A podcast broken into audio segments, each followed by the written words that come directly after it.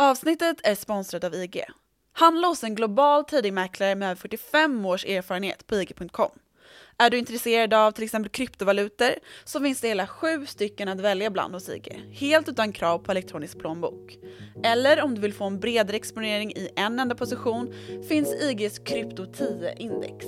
Öppna ett konto på IG.com eller ladda ner IG-appen. Men kom ihåg, all handel med finansiella produkter innebär risk.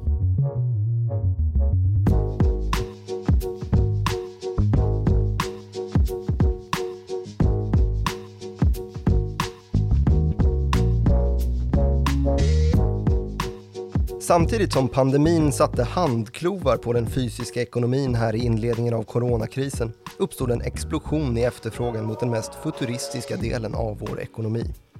Efter sex kvartal i pandemin vars orkanvindar format ett ekonomiskt landskap likt ett Edens lustgård för techbolag tycktes vinden till sist ha mojnat. Pandemin blev en dödlig global kris som kom att bygga om det globala näringslivet och ekonomin men parallellt med den digitalekonomiska boomen följde också ett rekordsnabbt materialiserande av djupgående problem för våra demokratier. Hur ska vi hädanefter hantera den nya normaliteten med kapitalstarka globala techbolag som med vårt uttryckta godkännande övervakar oss och samlar in identitetskodad användardata i realtid? Kan vi göra något för att utvecklingen inte ska ske på bekostnad av vår demokrati eller är vi på väg att skapa digitala diktaturer i vad som kommit att kallas för the metaverse? Det är frågor som jag, programledare Martin Nilsson, ställer till utrikesredaktören Joakim Rönning i det här avsnittet av Follow the Money som ju är en podcast om makt, storfinans och börsen. Men först av allt vill jag väl ha en liten sammanfattning på eh, kanske vad som inledde den här digitala boomen. Kan du få. Tack. Det var ju då där när pandemin slog till och vi fick karantänssättningar i världen. Just det. Och då inte karantänssättningar på börsen som vi ju såg väldigt tydligt. Eh, det var ju ner med typ en 30-40% utan också i den fysiska ekonomin som ju har allt mindre att göra med börsen under pandemin i alla fall. Mm. Och um, det var ju då att folk helt enkelt inte kunde gå och handla utan fick sitta hemma och handla och få saker levererade till sig. Leveranterade är inte ett ord. Så um, då ofta via beställning över internet och internet är ju lite av ett ledord i det här avsnittet för det är ju internet vi ska prata om här uh, lite längre fram. Men som sagt då så har ju de digitala bolagen haft några enorma kvartal bakom sig här. Eh, sex stycken närmare bestämt. Och nu här i det sjätte som då är kvartal två av 2021 så noterar vi en tydlig nedgång för väldigt många av de här techaktörerna som har varit allra mest gynnade då av pandemin. Uber är ju ett sådant bolag. Eh, andra som... finns ju som, som ägnar sig åt um, att bygga matkassar och skicka hem och så vidare. Just det. Man, eh, Restaurangmatsleverantörer och så det också. Det är i och för sig Uber Eats. Så att vi pratar helt enkelt om återöppningstraden. Uber är ju ett specialcase här, för de har blivit också ganska hårt drabbade i och med att de kört taxi och det kanske drog ner lite grann också. Ja, men samtidigt så har vi ju en, en markant sättning då i just mobility, den divisionen hos Uber som är ner med 30-40% i senaste kvartalet jämfört med kvartal två mm. i fjol. Så att det är tydliga skillnader i hur man då har lyckats göra affär här jämfört med tidigare. Folk har helt enkelt inte blivit helt övertygade om att det är bäst att göra allting digitalt längre när man inte längre måste.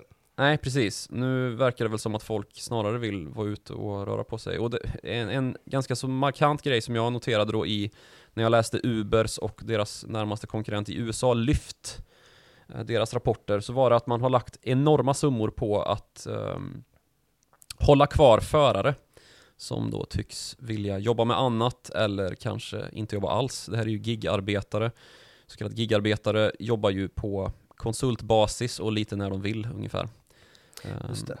Hög flexibilitet och ja, låg anställningstrygghet. Och det har man ju nu på bolagens sida då drabbats lite grann av när det har öppnat upp samhällen och folk kanske inte vill eh, ja, istället alltså, komma hemifrån med att sitta och jobba i taxi utan istället kanske vara ute och träffa vänner och gå på restaurang så, så har man väldigt stora problem med att, att rekrytera istället. Mm. Men andra, andra bolag som eh, man kanske ska prata om då i den här reopening trade-kategorin då är ju sådant som till exempel klädbolag som kanske inte har så stark e-handel, för e-handel är ju en annan sån fåra som har dragits upp något enormt. Det är väl Ubers restaurangmatsleveranser är väl också e-handel, men om man tänker mer konventionell e-handel, alltså den man gör på Amazon eller här i Sverige kanske snarare. Clas på- Olssons webbshop såg jag växte tydligt. Den är ju för sig ett sorgebarn om något i den kategorin, men eh, ja, ni, ni fattar vad vi pratar om om vi säger att Amazon e-handeln är den som har växt och kanske börjat, inte avta, men att, att tillväxtexplosionen lite grann har i alla fall tonat ner lite grann nu. Just det, för det gasade ju på ordentligt där när alla plötsligt var tvungna att lära sig internet och e-handel på Mm, ungefär samma månad. Precis. Och då gynnades ju allt. Ja. Och nu är det då lite survival of the fittest när vi börjar ställa om tillbaks till den vanliga ekonomin igen. Det börjar ju bli det lite grann och, och med det då så har vi också de här eh, att folk kanske börjar återgå till arbetsplatser i högre utsträckning. Att eh, Zoom-samhället börjar kanske lite grann bli någon sorts hybridsamhälle där man visst kanske inte helt överger tele telekonferensandet hemifrån, att man jobbar en del hemifrån men också att man faktiskt går till kontoret Eh, och att man faktiskt inte bara handlar e-handel då på samma sätt utan också går iväg och kanske vill prova ett plagg innan man köper det. Så, så att det har kommit tillbaka då folk ut i den normala verkligheten som vi var vana vid innan pandemin. Ja, det kryllade faktiskt av folk när jag var nere i mitt lokala köpcentrum här i, i helgen. Det var hur mycket folk som helst i butikerna. Mm. Lite rea-tider kanske också. Ja, inte. det är det väl nu. Men eh, man kan väl säga i alla fall att det inte är forcerat digitalt längre, alltså att man inte tvingas ut på internet och, och tvingas genomföra den här digitaliseringen, bli del av den så att säga. Mm. Så, så den, eh, vad ska man säga, pandemieffekten har då avtagit, men det är ju också så då att i det här nya normalitetsläget då som vi kanske börjar närma oss, eller kanske till och med redan är i, så, så finns det ju många bolag som säger då ur den här mest gynnade skaran av techbolag att vi är ju nu där vi trodde oss kunna vara om 4-5 år. Alltså att det här med pandemi då har drivit upp digitaliseringen med en, en eh, multiplikatoreffekt Just om man trodde att man 4-5. långsamt skulle tugga, tugga och bli allt Mm. mer digitala och växa e-handeln och så vidare. Men nu har man tagit sådana språngsteg i och med att folk Mm. har blivit tvungna att vara digitala. Så då ligger man före tidsplanen. Precis. Och jag tror väl att det här är liksom en hum humankapitaleffekt, att folk har just lärt sig internet och vågat ta en del steg. Eh, en eh, nära släkting till mig till exempel har fått börja betala sina räkningar med eh, en, en bankdosa och inte skriva checkar längre Oj, till exempel. vad tufft. Ja, det är häftigt. Och det finns väl andra, andra sådana, liksom, ja men just så här, att, att man har fått lära sig att bli digital, även i den kanske lite äldre generationen. Mm. Eh, Alla har numera bank-id, alla är vana vid att handla saker med kort över internet. Det är ju någon sorts, eh, ska man säga, någon rest från det gamla internet som ju var mindre pålitligt än vad det är idag, där man inte ville handla med kort på internet för att man var rädd för att man skulle bli för och skinnad. Uppgifter skulle bli Precis, identitetskapningar och annat som, som för sig gick där. Det gör det såklart, men det är väl lite grann var man handlar. Mm. Ehm, och, det finns ju en, liksom säga, en näringskedja i vart man kanske bör handla och inte. Man kanske inte bör handla gods på Darknet från Kina eller något annat land. Men om man gör det på Zalando så är det väl okej. Mm. Folk verkar ju ha handlat lite, lite mindre på, eh, vi har gått igenom en del av återöppningstraden här, men någonting som har gått väldigt bra har ju varit, kan man säga att det är forcerat med gamingbranscherna till exempel? Det är ju trots allt underhållning på något sätt. Ja, men jag tycker nog ändå man kan göra det, för det är ju ändå i, i techvärlden vi rör oss. Och när, när annan typ av nöje blir omöjlig att få sig till dels, alltså gå på bio typ, kan man Mm. väl eh, konkurrenssätta med gaming då, att man sitter hemma och har den här härliga eh, Det tas ju samma budget på något sätt ju. Mm. Ja, precis. Man kan ju ha en Men- gruppupplevelse online också då istället för att sitta i en biograf så kan man sitta i och spela spel med andra då, för det är ju det är inte så att man spelar mot datorn som man gjorde på min tid. Ja, men det gör man nog fortfarande ibland Ja, ibland, men, men det, är ju, det är ju liksom nät, alltså internet har ju möjliggjort då att man kan spela med andra sina kompisar och sådär, och det har man ju kunnat göra nu i 15 år i och för sig. Så, så gammal är inte jag heller, så det har jag också spelat med kompisar på internet, men ja.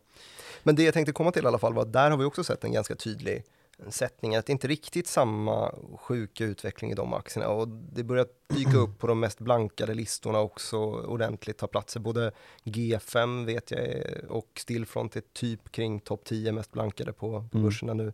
Så det börjar i alla fall bildas någon form av eh, motvikt av analytiker som inte tycker att det här är värt så mycket som de andra tycker. Ja, och det är väl också lite grann en ränteeffekt då att vi, vi har haft högre tioårsränta i USA som ju ofta liksom har väldigt mycket att göra med den riskfria räntan. Mm. Nu har den kommit ner lite grann så det, det har väl lättat det caset lite grann men, men det är ju också kopplat till då återöppningstraden att vi ska se en normalisering av ekonomin och att eh, ja, det börjat pratas lite grann om att huruvida inflationen är en periodisk effekt eller någonting som kommer bestå. Och just nu så är väl konsensus ändå att det kommer, att det är en temporär effekt då som, som kommer att fasas ut över tid och därför så har ju räntan också kommit ner lite grann. Nu har vi börjat ramla in i, Ja, makrotermer istället. Jag, jag är sugen på att höra mer om ditt resonemang om eh, det här med att man har påskyndat planen på eh, mjukvaruutvecklingen. Just att man har liksom accelererat fram ett par år och kommit ikapp Mm. Eh, mer än vad man hade tänkt sig innan. Att det har katalyserats av den här pandemidigitaliseringen. Vad, vad leder det till? Ja men det leder ju till att vi får hårdvaruproblem istället då. Ja, byts ut helt enkelt. Ja, precis. För det är ju där någonstans eh, vi kanske har kört in i väggen lite grann. Att vi nu har en det var det jag menade när jag kom in, när jag ramlade in på det här med humankapital, att det är en humankapitaleffekt. Att människor har lärt sig att agera på internet med de här techplattformarna Mm. som är kopplade till internet. Det är ju en liten bisticker där är ju bara man ska boka sin vaccintid så är det ju, det krävs ju att man har ett mobilt bank-id. Liksom. Precis, ja. Eh, Men nu har vi då istället hamnat på problemet att vi inte har hårdvarumöjligheter längre att dra nytta snabbt av den här applikationsivern då att, att använda internet på sätt som är nyttiga för oss. Vad, vad menar du? Att vi har tagit till oss väldigt mycket av den nytta som man kan dra ut då av den bandbredd vi har idag, det är 4-5G som vi börjar närma oss nu då. Men att det krävs ytterligare ett steg då, eller en, en vidare utvidgning av 5G framförallt är ju det vi pratar om då, nästa generations, eller den, den generations eh, höghastighets internet trådlöst som nu håller på att appliceras då. Mm. Den måste komma en lite längre bit, den måste bli lite, lite vidare applicerad över samhället innan vi kan börja använda oss av de mjukvaror som utvecklats. Har det inte alltid sett ut lite sådär? Jo, lite så är det ju. Men i, i det här läget då när vi har haft den här snabba utvecklingen av adaption så, så måste det nu till då en eh, hårdvaruutveckling också. Så att vi kan dra nytta av den datakapacitet vi har byggt upp. Och då pratar vi ju om sådant som ska möjliggöras genom 5G och det är ju mycket artificiell intelligens, Internet of Things, så kallad IoT då, och eh, ML, alltså Machine Learning. Och det är ju smarta apparater som kommunicerar med varandra helt enkelt. Så humankapitalmässigt så är världen redo för det men det finns bara inte tillräckligt med snabba chip för att få det att gå runt. Ja, precis. Och där har vi ju ett annat aber i situationen, Tänkte att vi ville dit lite grann, Ja, men precis. det kanske vi inte vill. eller i situationen i ekvationen, att vi har brist på chip då. Och mm, att det är en bristsituation som man inte löser hur snabbt som helst direkt, utan det, det tar tid.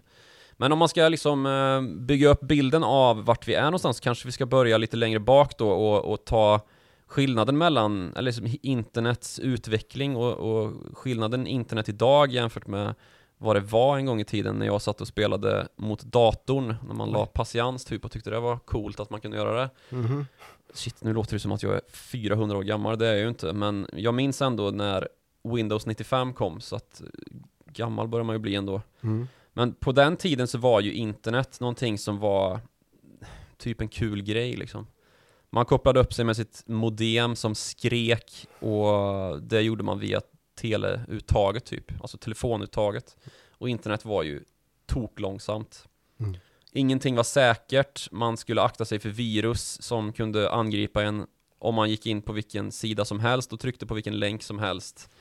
Och det digitala på den tiden var ju väldigt, väldigt underordnat det fysiska. Alltså, det fanns fog för att inte använda sitt kort på internet. För att, alltså ett betalkort på internet då, för att du förmodligen skulle bli scammad och dina konton länsade.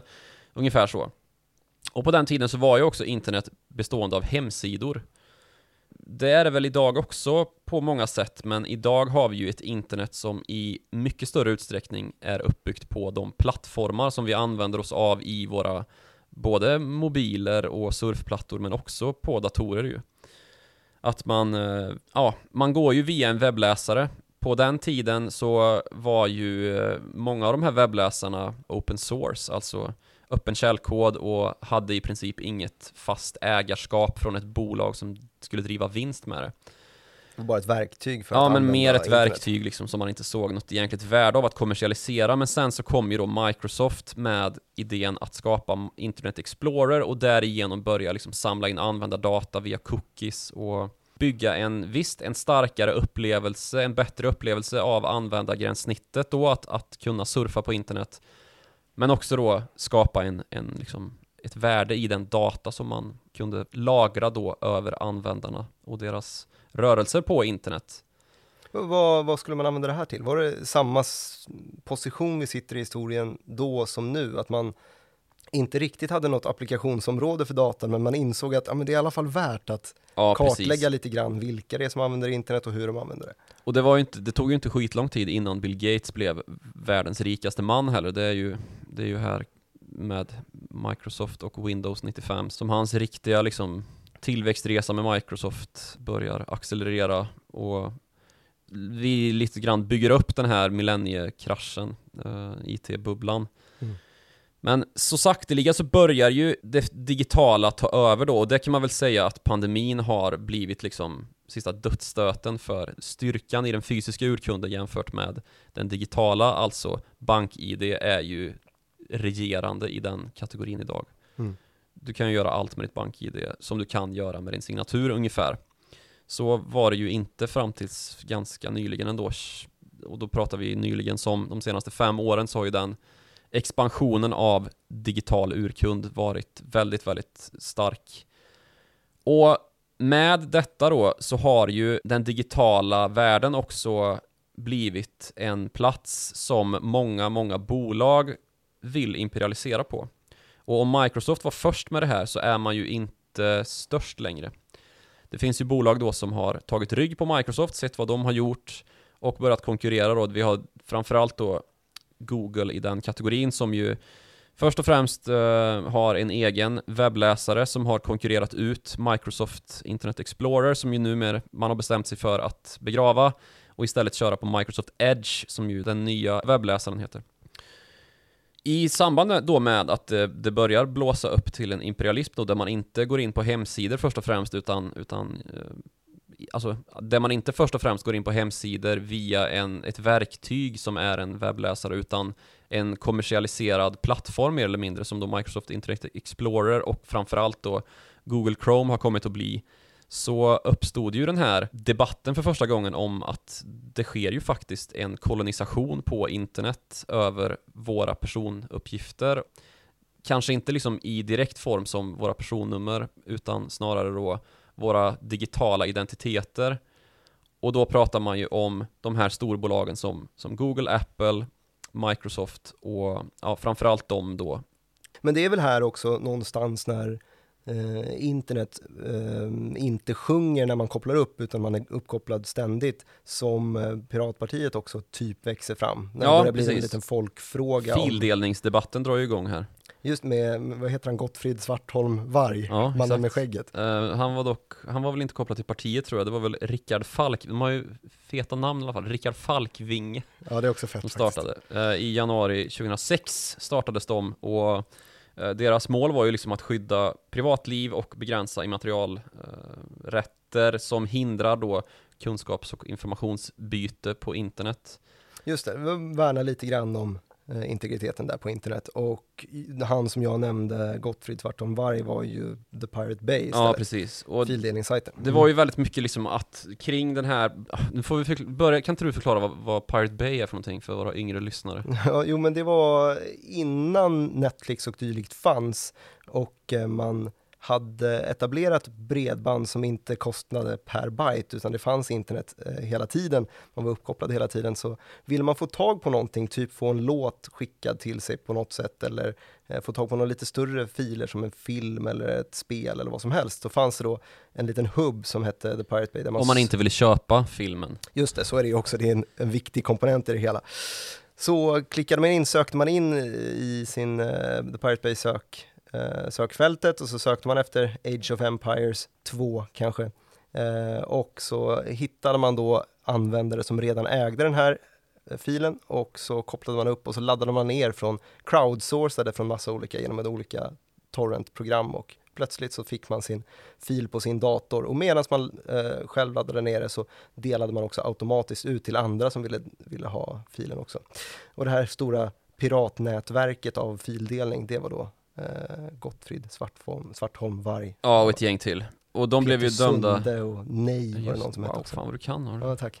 Ja, eh, de blev ju dömda allihop till fängelse väl? Ja, inte alla kanske, men det var fängelsedomar i alla fall mot de här eh, huvudmännen i Pirate Bay-härvan. Mm. Och det var väl en del ganska hårdhänta razzior mot Pirate Bay som, som blev ganska så skapades liksom en, en liten fankultur kring Pirate Bay och att de möjliggjorde så mycket konsumtion av härliga filmer och så här och det blev liksom kampen mot Hollywood och musik, eh, de internationella musikproduktions och publikationsbolagen som det blev en, ett högprofilerat case i Sverige och det drog till sig ganska mycket folk då som i EU-valet 2009 röstade in då Piratpartiet i eh, EU-parlamentet. Ja, det lyfte ju precis de här frågorna om eh, om skivbolagen och hur mycket pengar de tjänar varje år och hur de har monopoliserat hela den, ja, den branschen på något sätt. Och... och Metallica var ju ett, ett, band till exempel som var väldigt emot det här. Men varför har vi kommit in på The Pirate Bay och, och den delen av debatten här egentligen? Jo, för att det här kan ju visa lite grann på att det finns en uh, det, det grundas här liksom en aversion mot de här stora techbolagen som börjar just kommersialisera internet på en större skala som man kan kallas för liksom att det blir ett plattformsskapande då. Och att man helt enkelt gör sig oumbärliga för användandet av det moderna internet. Mm. Alltså någonting som från början har varit fritt blir plötsligt kommersialiserat och det blir det på ett sätt som är ganska problematiskt också. Man kan lite grann kanske jämföra data med olja. Det är en sån populär jämförelse man brukar dra. Att oljan då, när den utvanns första gången så var det lite svårt och man fattade inte riktigt vad ska vi ha det här till. Och det var egentligen inte förrän då man började inse att det här kan man ju använda som bränsle i förbränningsmotorer på ett väldigt effektivt sätt som det började bli, alltså sättas ett värde på den här naturresursen. Och sen kom ju bilen, T-Forden, Henry Fords stora eh, massproducerade första folkbilen liksom. Och först då så blev det ju att folk fattade, okej, okay, det var det som var anledningen till att vi började borra efter olja egentligen. Att vi, det fanns liksom en förståelse för att om det blir en masskommersialisering av förbränningsmotorn, då kommer det här ha ett större värde. Det är lite samma sak nu då, att det kanske inte är förrän vi har starka utvecklade hårdvaror som kan fungera med Alltså att sätta all den här datan i arbete då med artificiell intelligens och eh, machine learning på sikt då. Och Internet of Things som ju då är alltså smarta apparater som pratar med varandra som vi kan se den stora nyttan och ett, ett prissatt värde på vad man ska använda all den här datan till då, som de här kommersialis alltså internetkommersialiserande bolagen nu sitter och, och trycker på i sina serverhallar.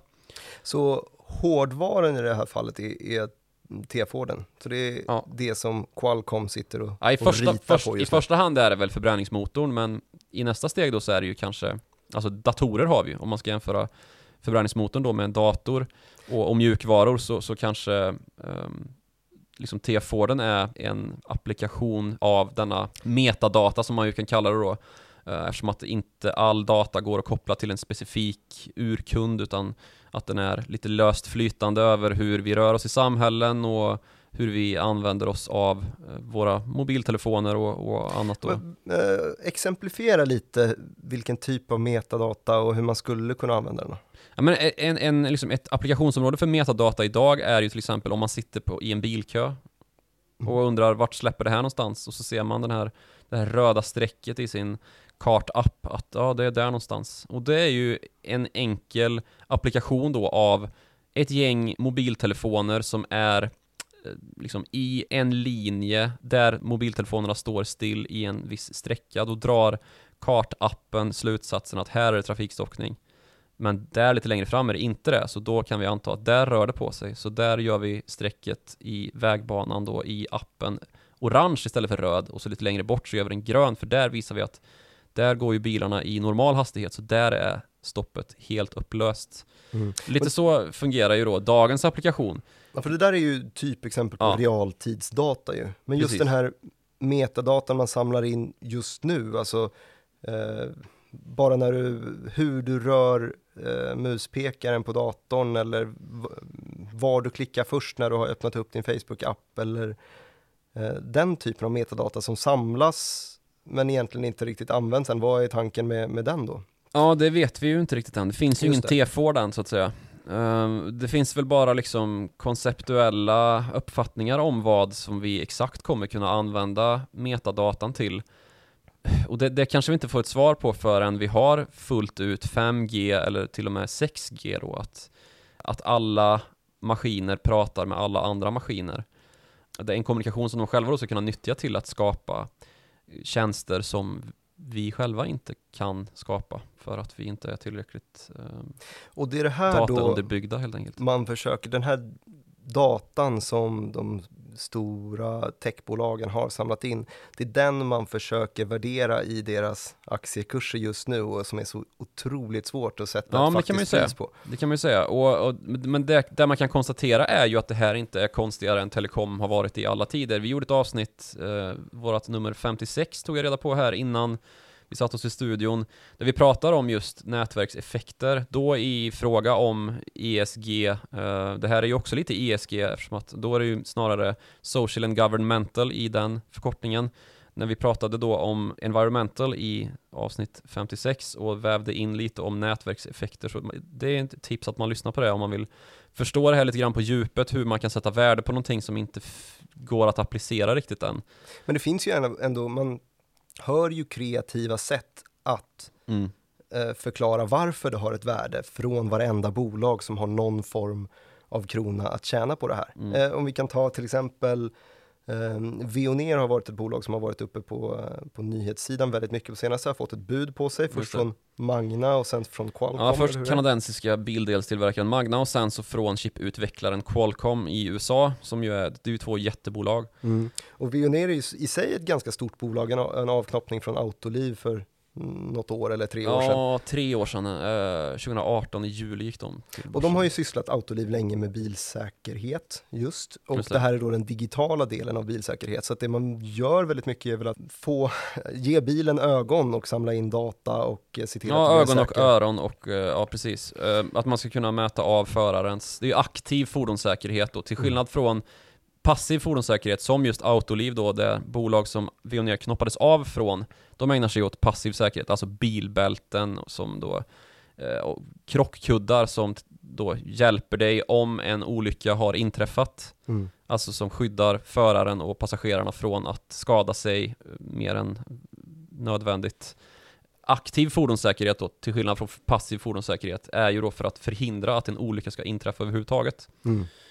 Men, men, en del i den här ekvationen, något som man ser då på presentationer och så vidare, så en del av Undrar om företaget jag tänker på heter Smart Eye kanske? Mm. Eh, Smart Eye. Eh, som sysslar med eye tracking då istället, som då ska rikta en, en kamera mot förarens ögon då till exempel för att se var föraren tittar någonstans. Mm. Och det här har applikationseffekter dels i, i realtid för att fatta var personen kollar, men också på metadatanivå för att fattar man var personen kollar, hur ett, ett synmönster ser ut när man sitter i en bil, så är det väldigt mycket lättare att sätta upp effektiva hastighetsbegränsningsskyltar eller eh, varningstrianglar eller vad som helst. Ja. Man fattar hur en person använder en bil. Eh, och då, det har man i alla fall lyft fram som att det här är värdefull metadata som vi kan samla in. Mm. Eh, och det är ju lätt att sätta, eller lätt att förstå att det har ett värde, men extremt svårt att fatta hur mycket det värde, värde Nej, har. Och samlar man in datan på rätt sätt och eh, kommer branschen i sig förändras helt så att det inte har något värde alls? Eh, Mm. Ja, Många precis. frågor. Det är ju, alltså Det är ju ett område som Tobii gick in på också här för någon vecka sedan bara När man köpte upp ett, eh, ett bolag som ägnar sig åt, åt just fordonsapplikationer för eye tracking Mm. Alltså en konkurrent till Smart Eye då Det kanske är hårdraget, jag vet inte hur pass gemensamma produkter, eller liksom konkurrerande produkter de har mot varandra Eller konkurrerande tjänster de har mot varandra Men det är i alla fall, ett, alltså Tobii är ju ett bolag som ägnade sig åt gaming från första början Att man skulle använda Jo men det har man ju redan nu, man har Ja. ju ex exakt det att man har en liten kamera som man sätter Precis. fast någonstans på datorskärmen och sen så ser man var personen kollar och det är aktivt redan i, Ja. idag bland de som Men nu- streamar dataspel och så vidare. Ja Så kan man alltid se var kollar proffsen. Eh, Men nu, nu då så har, har man gått in på fordonssäkerhet just för att man har märkt då att det här finns ju en, eh, en applikationsmöjlighet som vi kan dra nytta av. Så då valde Tobii att inte bara ägna sig åt gaming utan också då förarsäkerhet. Men då, det, det här är ju möjliggjort av att det finns hårdvara som, som kan lösa de här bitarna då. Och utvecklingen här går ju väldigt snabbt. Men eh, det vi kanske menar då är att, att det har förvisso gått snabbt men att det krävs nu då att man också hittar eh, applikationsutrymmen där vi kan förbättra livet för folk genom att det finns produkter som, som bidrar med någon nytta, lite som Steve Jobs gjorde med eh, iPhone då, att man, att man skapar en ny paradigm för vad man ska. Det har ju funnits en del försök med då att man ska göra artificiella intelligensen till en nytta för en bredare massa då med Google Glass är ju en sån grej till exempel att man skulle använda uppkopplade glasögon för folk men det blev ju en väldigt lättsåld idé i alla fall. Väldigt lättsåld idé, inte lika nyttig som den var cool kanske. Mm. Eh, Så de här glasögonen har ju hittills inte blivit någon större succé och det finns ju en massa andra aspekter av den artificiella intelligensen och eh, VR då, virtual reality, som man försöker materialisera i någon sorts nytta, men hittills så är väl VR den bästa lösningen på ett problem som inte finns, har jag läst någon bransch, något branschuttalande som jag tyckte fäste ganska bra på, på vad det är egentligen. Och sen så har vi augmented reality då, som är det här Pokémon Go är väl den bästa applikationen av det hittills. Men där börjar det ju komma lite grejer. När man ska köpa prylar på Ikea och vill testa om det passar bra i rummet. Ja men sådana grejer, typ. Mm. Det är ju lite småcoolt. Men som sagt, det, det, det här handlar ju om eh, att det finns då molntjänster där man kan lagra väldigt mycket data och eh, att vi har en hårdvara som kan ta hand om att kommersialisera då, skapa produkter som bidrar med någon sorts nytta till användaren. Och det är ju själva anledningen till att data börjar värderas upp något alldeles. Det har varit till exempel flera stora dataaffärer de senaste veckorna i fråga om börsdata, där det liksom ja men till synes ganska så enkla affärsmodeller kring att ha prisdata då för olika tillgångar som, som går i, i affärer värda liksom tiotals miljarder kronor.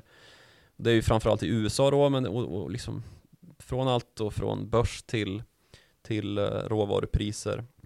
Och um, det har med det här att göra, att man vill köpa på sig möjligheten att sälja vidare då data från de här metadatavaruhusen som man nu sitter med. Mm. Alltså att man har samlat in data i vad man nu för tiden bör, brukar kalla för big data då, att man har en stor datamängd som, som man kan sedan sälja till en mjukvaruutvecklare då, för det är ju där de här bolagen i grund och botten är då, som till exempel Uber och Zoom och eh, ja men you name it inom techbranschen liksom. Att man ska med hjälp av då stark UX-utveckling, alltså user experience-utveckling kunna Mycket buzzwords i det här avsnittet. Ja, det ber vi om ursäkt för. Men user experience användargränssnittsutveckling då, att man skapar användarvänlig teknik. Mm. Och där någonstans så tillfaller ju all den här metadatan, dess applikationsnytta, eh, blir ju först en nytta när då en användarvänlighetsutveckling har skett då, att man har faktiskt tillgängliggjort den och skapat ett nyttovärde som någon faktiskt vill köpa. Men du, det här är ju ändå i någon form av framtids, närframtid måste man ändå säga, eh, men det appliceras ju metadata idag på ganska stora områden, framförallt inom, inom information tänker jag. Att Ja. man eh, samlar in vad människor vill veta Ja, det och är vill ju påverka. metadatan liksom. Ja, precis. Där har vi ju då flera bolag som vi redan har nämnt. Google och Facebook till exempel. Och om man ska sönderdela vad liksom skillnaderna mellan, mellan de bolagen är så, så förs det ju mycket kritik mot de här bolagen, precis som det görs mot tobak och alltså gjort genom tiderna mot tobak och mot eh, oljebolagen när man har börjat uppfatta att shit, vi har ett problem här. Mm. Oavsett vilket av, vilken av bokstäverna i akronymen ESG så, så blir det ju en ganska så liknande debatt. Och när det pratas om Google så pratas det ju väldigt mycket om desinformationsrisker. Vad är det för någonting?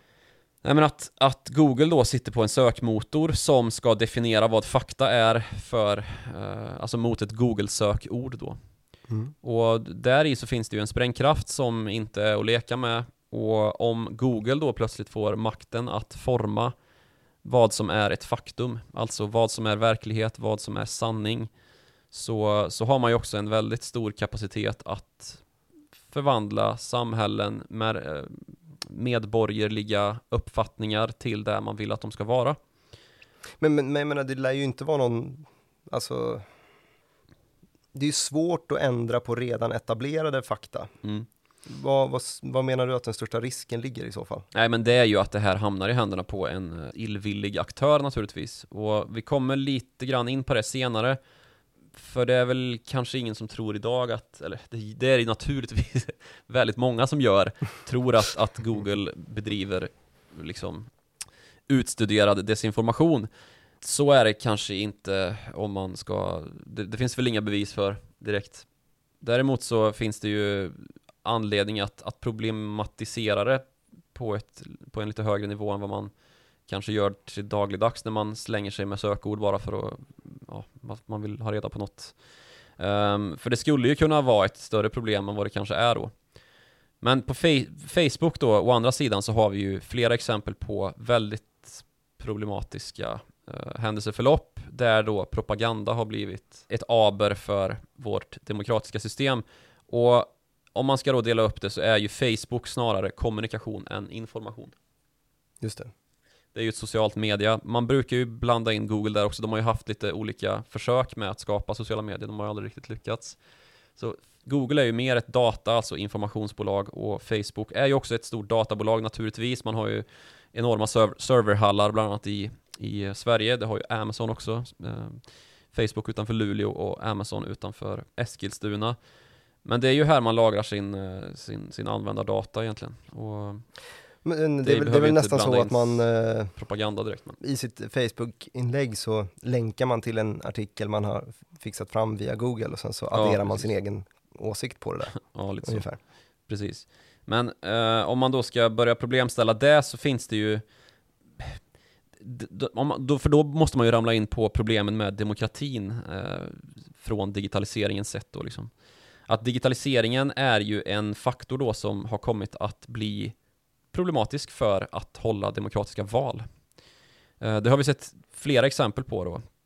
Eh, Cambridge Analytica och Trump-valet, alltså 2016-valet är ju det bästa exemplet på det kanske, det mest spridda problemet som vi har haft då i ett demokratiskt val eh, som är av den digniteten dessutom då. Vad var det som hände där? Ja, Men där hade vi ju Cambridge Analytica som, som då hade tjänat som en Alltså man, man hade samlat på sig användardata som man sen då kunde sälja till en kampanj som då kunde rikta sig till osäkra väljare. Så man hade samlat in data om osäkra väljare. Precis. Som man då kunde sälja till Trump-kampanjen som Trump-kampanjen då kunde kunde man Trump. rikta sin reklam Precis, mot man kunde rikta dem. då specifikt reklam och då var det framförallt då desinformation som, som spreds om motkandidaten som ju då var Hillary Clinton. Att man förstärkte och amplifierade helt enkelt rösterna mot Hillary Clinton om att inte rösta på henne. Mm. Och det här är ju väldigt problematiskt då att man har en kommersiell aktör som säljer användardata Först då från att ha köpt denna användardata från Facebook och det är ju den stora kritiken som Facebook har fått. De har ju fått de största böterna från eh, amerikanska kommunikations myndigheterna någonsin på grund av det här då. Att man eh, sålde den här användardatan till Cambridge Analytica som sen kunde ja, sälja den vidare. Alltså de, det man sålde var ju kampanjer om hur man skulle omvända dessa väljare då, eller omvända, att man skulle få dem på sin sida. Mm. Men vi har ju liknande problem då med till exempel att man har kunnat i vissa studier, alltså forskningsstudier, visa på att en eh, väljare har 20% högre eh, benägenhet att rösta eh, åt ändra hållet då utifrån hur Google-algoritmen är utformad kring detta val då, att den ja, vinklar helt enkelt information. Och jag menar så blir det väl om man ska ta in information som är då kommersiellt skapad, att det smyger sig in en viss Det finns ju Hållning, liksom. subjektivitet i politik så då är, Ja, är det svårare att... Och det blir en, en, det blir ju en informationsmättnaden blir ju utformad efter då kanske den som har mest kapitalstark kampanj och som kan utforma denna kampanj med en högre informationsmängd helt enkelt. Då skapas algoritmen ut efter detta och så blir det helt enkelt 20% mer åt det ena hållet än den andra. Enligt den här studien då så, så är det av den anledningen ganska komplicerat att, att använda sig av Google för att utröna vad man ska rösta på då. Mm. När man tänker sig vad, alltså frågan bara ställs i Google-sökfältet. Vad ska jag rösta på på valdagen liksom? Men om vi ska dra tillbaks det här till hur det såg ut innan internet, för det har vi ju gjort den jämförelsen tidigare, så har det väl varit lite samma sak tidigare. Jag tänker med vanliga hur tidningar är utformade så måste det väl vara den mest kap- kapitalstarka som får mest utrymme där också. Ja, absolut. Så är det ju. Um, och, och det här är ju någonting som, som även gäller idag ju med dagens valkompasser är ju någonting man kan ifrågasätta lite grann utifrån då. Då menar jag liksom inte att DN och Aftonbladet och, och SvD skulle, skulle tweaka sina algoritmer, för det är också algoritmer i valkompasserna för att då, ja, jämka någon sorts syfte som man har på ledarsidan kanske, för det ska man ju också vara tydlig med att säga då att, att eh, det är ju ledarsidan som är politiskt färgad och inte innehållet i nyhetsrapporteringen. Eller det, det är ju så det ska vara i alla fall. Men valkompasser är ju någonting som man skulle kunna tänka sig ha en enorm effekt ju om någon lyckades hacka en sån algoritm eh, mitt i en brinnande valkampanj. Just det, för där får man ju precis i slutet när man har klickat i sina 20 frågor eller vad det är, Precis. så får man du är Du socialdemokrat. är du Liberalerna Ja. röstade till 29% och eh, ja, i fallande ordning sådär. Det kan man ju tänka påverkar ett valbeslut också. Ja, precis. Så det är ju problematiskt. Så det, det finns ju definitivt stora problem då med information och kommunikation i det här digitala demokratikomplexet. Men sen så finns det ju också en mängd vinster att göra från, från att ha då en stark digitalisering i samhället. Och den kanske vi allra mest ser inom juridiken då. Uh, I rättssamhället, ska man väl kanske säga. Att det blir lättare att lösa brott om man har en, en hög grad av eh, datainsamling. Och då pratar vi ju statlig datainsamling, alltså Hur folk rör som- sig på internet. Ja, eller? övervakning pratar vi då. Att man då har ansiktsigenkänning, iris-scanning, man har eh, fingeravtryck som eh, man behöver identifiera sig med och man har dessutom röstigenkänning och, och en kamera som är överblickande, en helhet liksom. Det hade varit jäkligt mycket lättare att fälla nätpedofiler och så vidare. Ja, precis. Och det här är ju ett, en, liksom en utveckling som man faktiskt använder sig av. Liksom. Det finns ju, eh, jag är inte helt säker på hur det ser ut i Sverige, men jag vet att i USA och Australien till exempel så har man ju mjukvaror som sitter i polisbilar som då är utrustade med kameror och som, eh, där bilen tankas inte bara med, med diesel, bensin eller el på morgonen utan också med data. Och det, den data som då fylls i går ju rakt in i datorerna och så berättar datorn då i realtid för polisen sen att den bil du just nu har till höger om dig eh, stals för tio veckor sedan och är efterlyst sedan dess och stanna vederbörande. Det är ju bra. Men det, det kan ju också, supersmidigt faktiskt. precis, det kan ju också användas då till förbannelse som det ju görs i vårt favoritexempel Kina, där vi har den här massövervakningen av uigurer i Xinjiang-provinsen som mardrömsexemplet liksom. Mm. Men det här med övervakning är ju också någonting som, alltså de här mjukvarorna som sitter i, i australiensiska och eh, amerikanska polisbilar, det är ju liksom programvaror som utvecklats av kommersiella företag. Alltså det finns ju väldigt mycket enkla eh, lösningar som hade kunnat appliceras redan nu. Mm. så jag tänkte på en sak när du sa det här med att man skulle eh, blanda in juridiken och övervaka internet lite mer. Då hade man till exempel kunnat lista ut eh, när du pratade om desinformation och propaganda så kommer jag att tänka på en, en storbolags-VD som trampade i klaveret när, man, när det visade sig att han hade skapat en, en pseudonym på Placera-kontot. Alltså Placera är ju Avanzas forum. Ja, det här var roligt Och kommentera på sin egen aktie eh, positivt. Eh, Serneke var det va? Ja, det var Ola Serneke. Också spännande. Det hade man ju kunnat kanske förhindra, eh, för nu dök det väl upp som en slump snarare än någonting annat. Eh, att han, Det, ja, de, de forumanvändarna var väl ganska Det var väl många på forumet som var ganska på det klara med att det här är ju någon väldigt djup insider ja, som ju sig vara verkar tala för VD och det gjorde han ju också. självaste VD som satt där och Ja, kommenterade. det är ju seriöst alltså. Under flera år. Ja, precis. Men eh, det här med övervakningen då, den, den skapas ju av bolag som Vissa av dem finns på börsen redan, andra är ju väldigt lönsamma bolag som, som håller sig i det fördolda lite grann som privata bolag som inte närmar sig börsen men det, det är ju många i den här framväxande miljön då som har, som har kopplingar till varandra och bland annat pratade vi om Pirate Bay förut. Det är ju liksom i samma linda man har skapat som det som stöpte Napster och Sean Parker som han hette, skaparen av Napster, som ju var en tidig investerare i Facebook. En annan tidig investerare i Facebook var Peter Thiel som då är eh, grundaren av ett bolag som heter Palantir. Och Palantir ägnar sig åt att utveckla då övervakningsmjukvaror av olika slag. Mm. Och de största kunderna är då CIA, FBI och ja, den amerikanska försvarsmakten och myndigheterna. Men det finns ju kunder i övriga världen också, men allting måste ju gå via, via exportutredningar då eftersom att det är så pass känslig teknik. Men det här är alltså ett bolag som är börsnoterat sedan i fjol. Oerhört populärt på svenska marknaden också. Väldigt populärt på svenska marknaden också ja. Över 15 000 svenska aktieägare bara på Avanza shit. vet jag. ja. Det är Eh, Det är ju ett, ett bolag som fått väldigt mycket uppmärksamhet då just för att det är så pass kontroversiella program man sitter och utvecklar. Och att dessa program då kan användas till att just genomföra eh, bestämningar av identiteter på folk och att det inte bara är, alltså jag vet att man är delaktig i ett program för att reda ut snabbast möjliga väg från vaccinlabb till mottagare till exempel. Det är väl behjärtansvärt att liksom jobba med sånt. Mm. Men det finns ju också problematiska produkter som man står för då som är just eh, ja, men sånt som kan användas för rasprofilering i polisväsendet och sådana saker som har lyfts fram som väldigt problematiska då, just med ansiktsigenkänningen. Där har ju flera bolag slutat med sin utveckling just för att det här har ansetts för kontroversiellt då.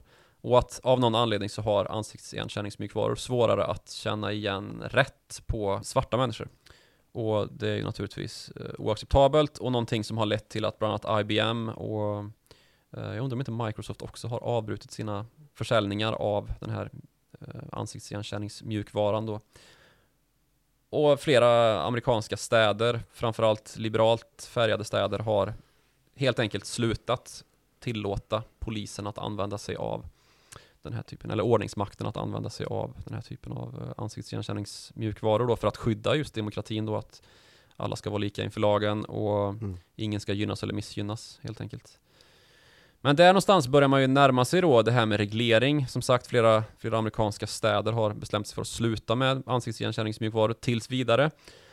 Och regleringen av de här stora techbolagen är ju, det har ju varit på tapeten ett rätt bra tag nu egentligen Mm. både i EU av olika anledningar. Här är det väl kanske främst då konkurrensmässiga skäl och att man, att man anser att eh, amerikanska bolag som skattas i USA inte ska få vara på den europeiska marknaden och slå ut lokala konkurrenter när, när bolagen då köper upp konkurrenter och lägger ner dem och dessutom kräver att eh, handlare på respektive plattform ska betala en avgift och dessutom förbinda sig till att inte gå till en, en konkurrerande plattform och såna här grejer. Som ju är monopolbeteende och illegalt. Så har vi ju kanske lite grann ringat in problemet med det här med reglering då, att eh, det här är amerikanska bolag som rör sig i Europa, precis som i övriga världen så, så, så är det amerikansk lagstiftning som, som gäller för dem på deras hemmaplan. Och det är ju extremt svårt då att reglera de multinationella techbolagen, precis som det är svårt att reglera alla andra multinationella bolag. Det är ju svårt att reglera på, på flera nivåer. Dels för att det är multinationellt men också dels då för att man inte har koll på hur och var och varför den här datan används på något sätt. Man är liksom inte ens insatt i, i eftersom att det är hypotetiska scenarion vi till och med pratar om just nu. Men det är likväl antagligen den största risken för värderingen på de här bolagen. För politiskt sett så skulle man, om man till exempel är Kina, så skulle man kunna plötsligt förbjuda den här typen av datan att mm. lagras. Och då har du liksom förlorat tio års tid av eh, metadatainsamling som dina aktieägare har värderat upp skyhögt, men som skulle kunna försvinnas i en i ett politiskt knapptryck. Ja, men precis. riktigt så snabbt så går det ju kanske inte i Nej men där sa du något, något intressant ändå, för där kommer vi in på digitala diktaturer. För nu har vi pratat om digitala demokratier lite grann och hur vi ska skydda vår demokrati.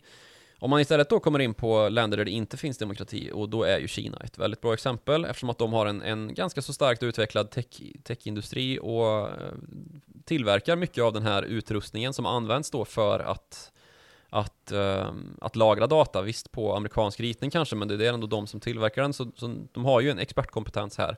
Ja, men här har vi ju faktiskt också fått, det har vi snackat om flera gånger tidigare, att uh, till och med Post och telestyrelsen har ju varit emot precis just den här risken ju, ja. att man övervakar via deras mm. hårdvara. Då. Och där är ju lagringsproblematiken, alltså användardatalagringslandet, väldigt avgörande. Och Kina har ju då till exempel förbjudit utländska bolag som har någon sorts verksamhet överhuvudtaget i Kina. Ta Apple till exempel som ju säljer iPhone naturligtvis i Kina också.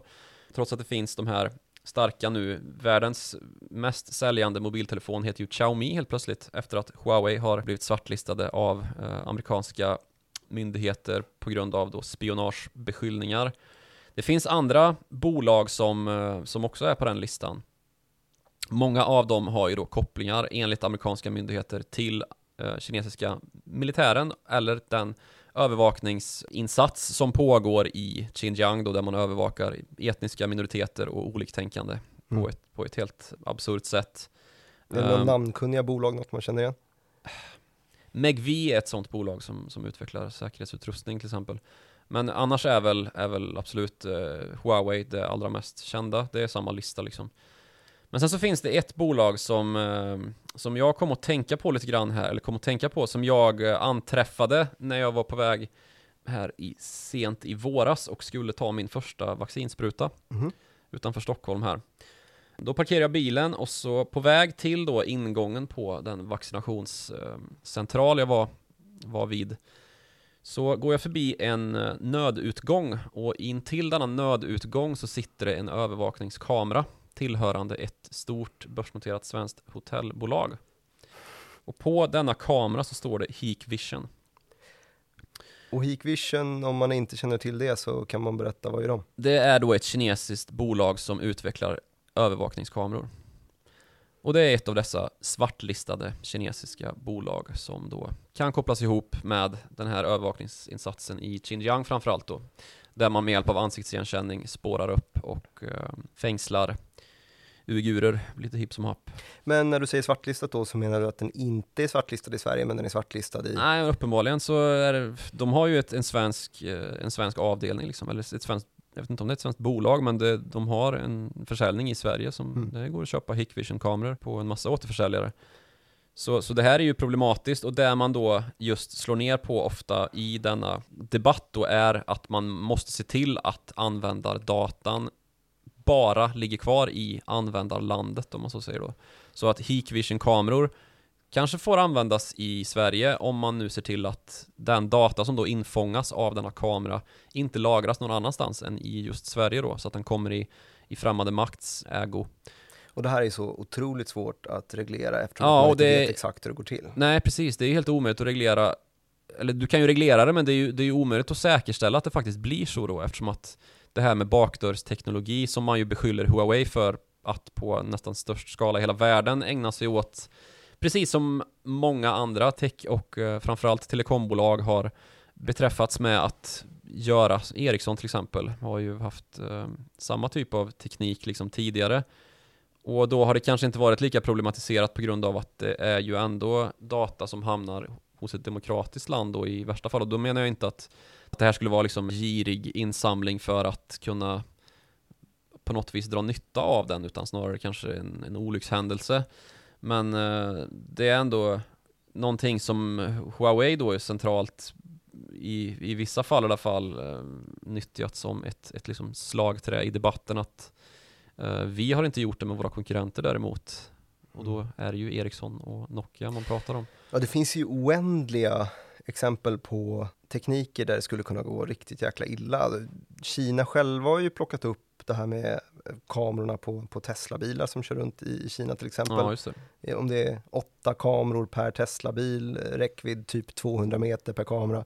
Eh, får man inte köra förbi utanför ett skyddsobjekt till exempel. Mm. Eh, och det kan man väl förstå på samma sätt som att du ryckte till lite när du såg Hikvision-kameran så åker det runt eh, ett par, par tusentals Tesla-bilar med åtta kameror var i ett land så Nej, precis. du, om man inte själv har någon kontroll över datan så skulle det ju kunna i alla fall färdas. Precis, och vi landar ju där igen liksom att det kanske inte är någon fara just nu och just idag liksom att, uh, att Hikvision vet att jag var och, och vaccinerade mig på vilket ställe och vilken dag och ja. Ja, det har du ju berättat i podden. Ja precis, Mm. men däremot samma då, det kanske inte är någon fara att en Tesla åker förbi ett kinesiskt skyddsobjekt idag men det kanske finns en applikationsnytta av det längre fram då när man Säljer datan för ti- om tio år. Ja, precis. Det, Mm. det är ju den problematiken man landar i och det är inte så mycket foliehatt som man kanske tänker sig vid första, i, i det första ögonblicket efter att man får höra den. Nej, det tycker i alla fall inte den branschen som ju gynnas av, av allt det här, cybersäkerhetsbranschen.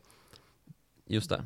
Där... har vi i alla fall sett en jäkla massa, eller ordentlig mängd nya aktieägare. Det är många som Mm. googlade, framförallt, eh, jag har fått mycket frågor av, av kompisar efter Coop hackerattacken till ja, det har exempel. varit Den var så extremt mycket, tecken på bristande cybersäkerhet de senaste, det senaste året egentligen ju. Mm. Vi har haft mängder med stora och svåra cyberattacker.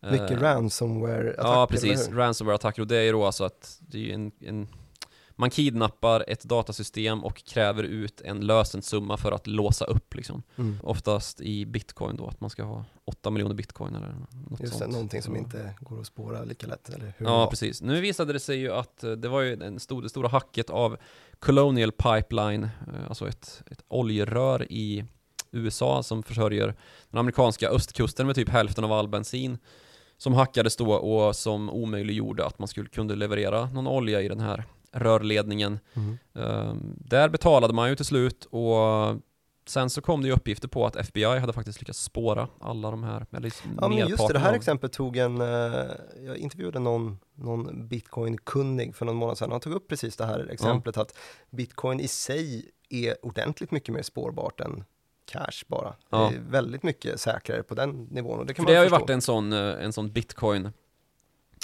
Anti-bitcoin-åsikt ja.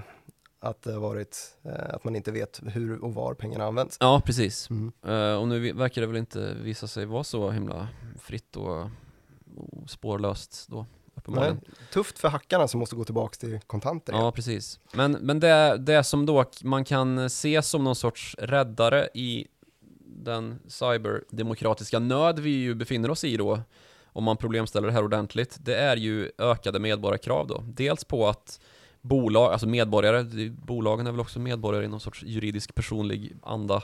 Dels då att man ser till att ha ordentlig cybersäkerhet, Mm. men också då att, att det ställer ju högre krav på medborgare att faktiskt se till att ha ordning på sin deklaration till exempel.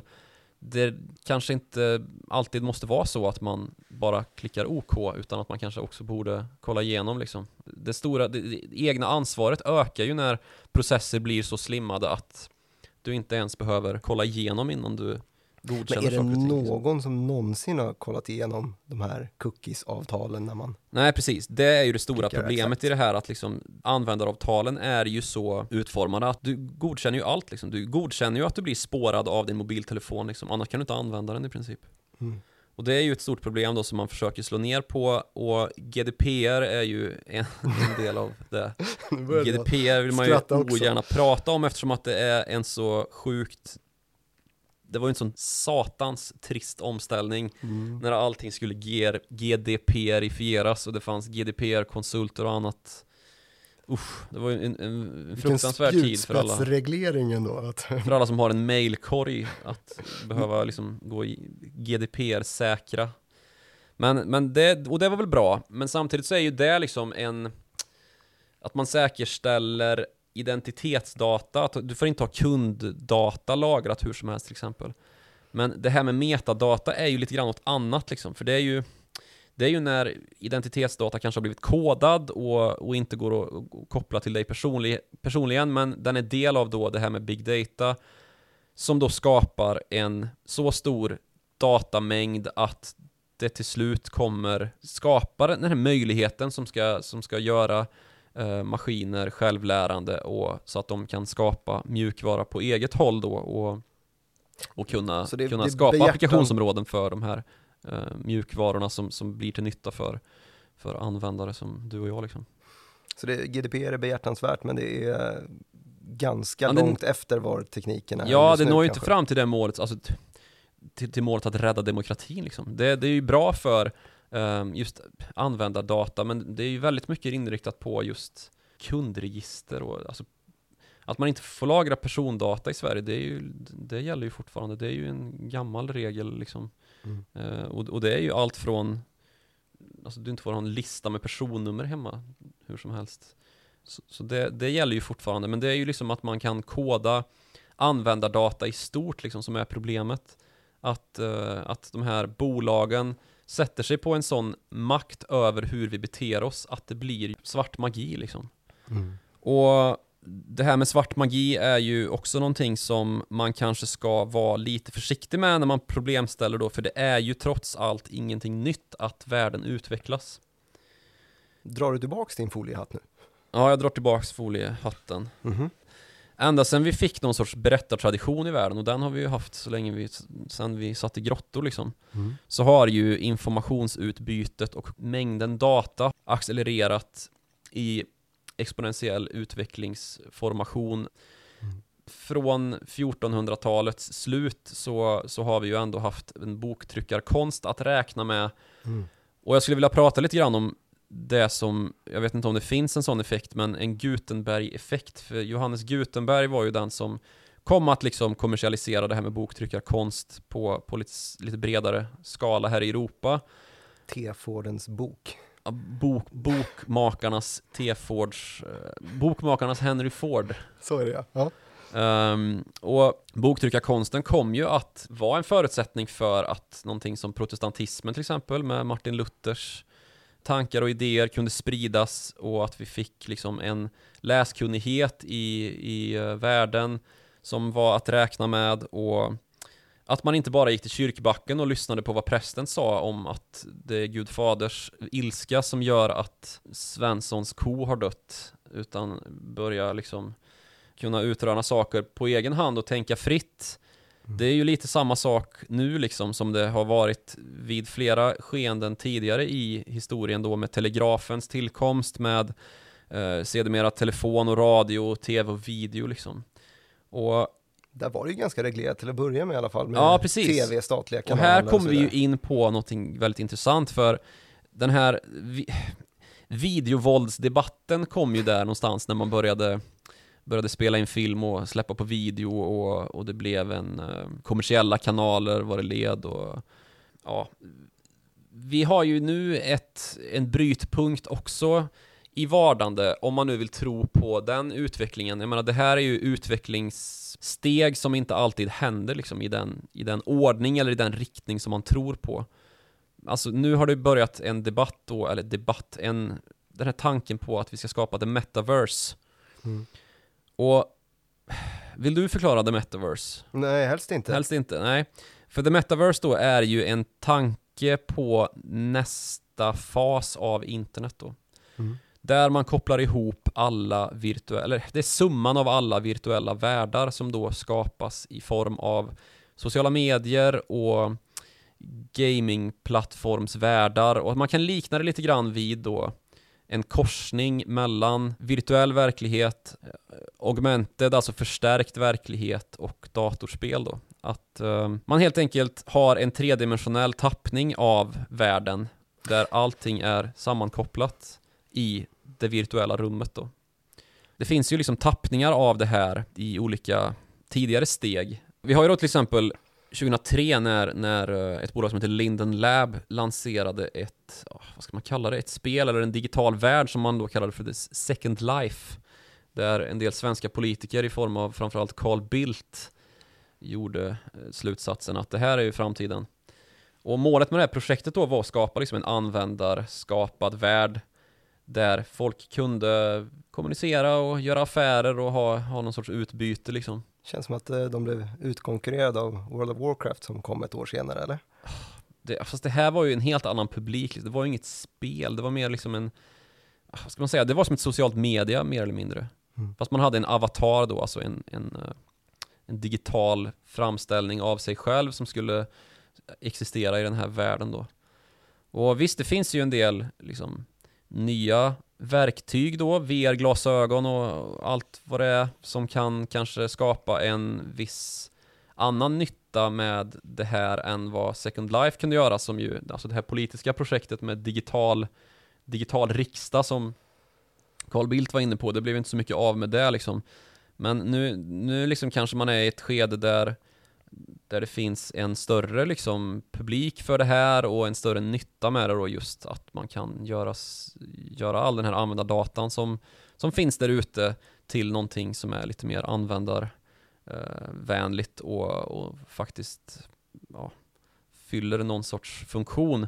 Och det finns ju också andra delar av spelsektorn då än World of Warcraft och de här alltså världs, alltså omvärldsbaserade spelen där man springer omkring i en virtuell verklighet i sin datorskärm liksom eller på sin mobil där det nyttjas just användarskapandets makt. Roblox, nynoterade Roblox är ju ett sånt exempel. Vi har ju Minecraft, svenska Minecraft som ju också är en sån variant då och nu finns det ju också flera storbolag då som har börjat ägna sig åt det här med uh, metaverse. Bland annat så har Facebook precis pres presenterat en satsning på det här. Microsoft är med på tåget uh, på ett eget håll och sydkoreanska regeringen har också gjort en satsning på ett nationellt metaverse.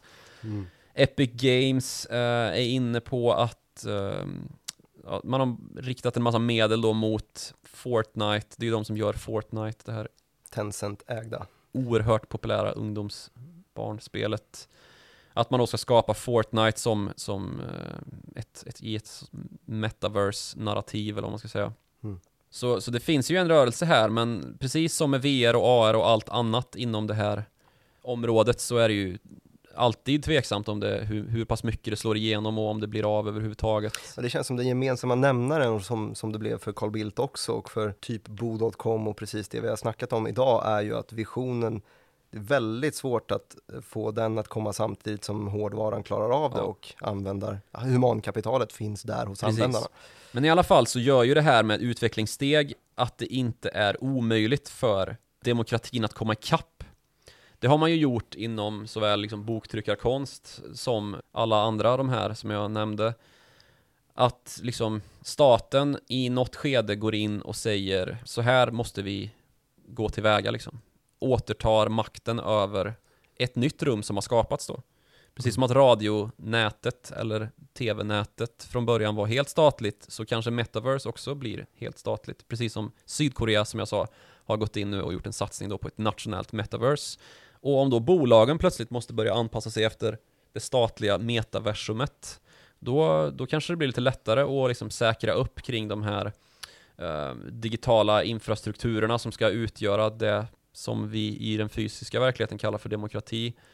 Och att det då blir en rörelse mot att, ska man säga, inte förstatliga internet kanske. För det här är ju nästa steg av internet då om man tror på metaverse-förespråkarna. Så i alla fall att lite grann avkläda de här bolagsimperialisterna då, främst de amerikanska Silicon Valley-bolagen, deras makt över nästa steg av, av utvecklingen då. Ja, det är väldigt mycket av makten som sitter där. På min lista när jag kollade på lite på, på cybersäkerhet inför också så är det ju amerikanskt dominerat verkligen, även bland de aktierna som svenskar äger mest så är det också bara amerikanska mm. cybersäkerhetsföretag. Så att vi har ju eh, de, de stora är väl Crowdstrike, Fortinet, typ Cisco kanske, men vi har också de etablerade som äger allt som vi redan har pratat om tusen gånger eh, mm. det här avsnittet. Amazon, Microsoft, Alphabet, de har alltid sina egna eh, cybersäkerhetsdelar också såklart.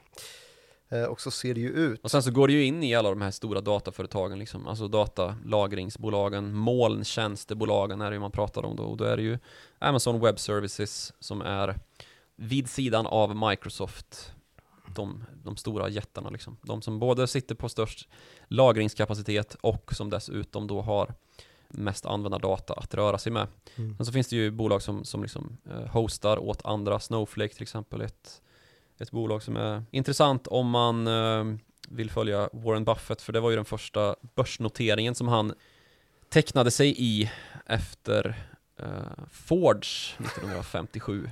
Eh, Snowflake gick alltså till börsen här för något, det var väl 2020. Jag tänker att vi, vi kan ju nämna några svenska i cybersäkerhetsdelen också.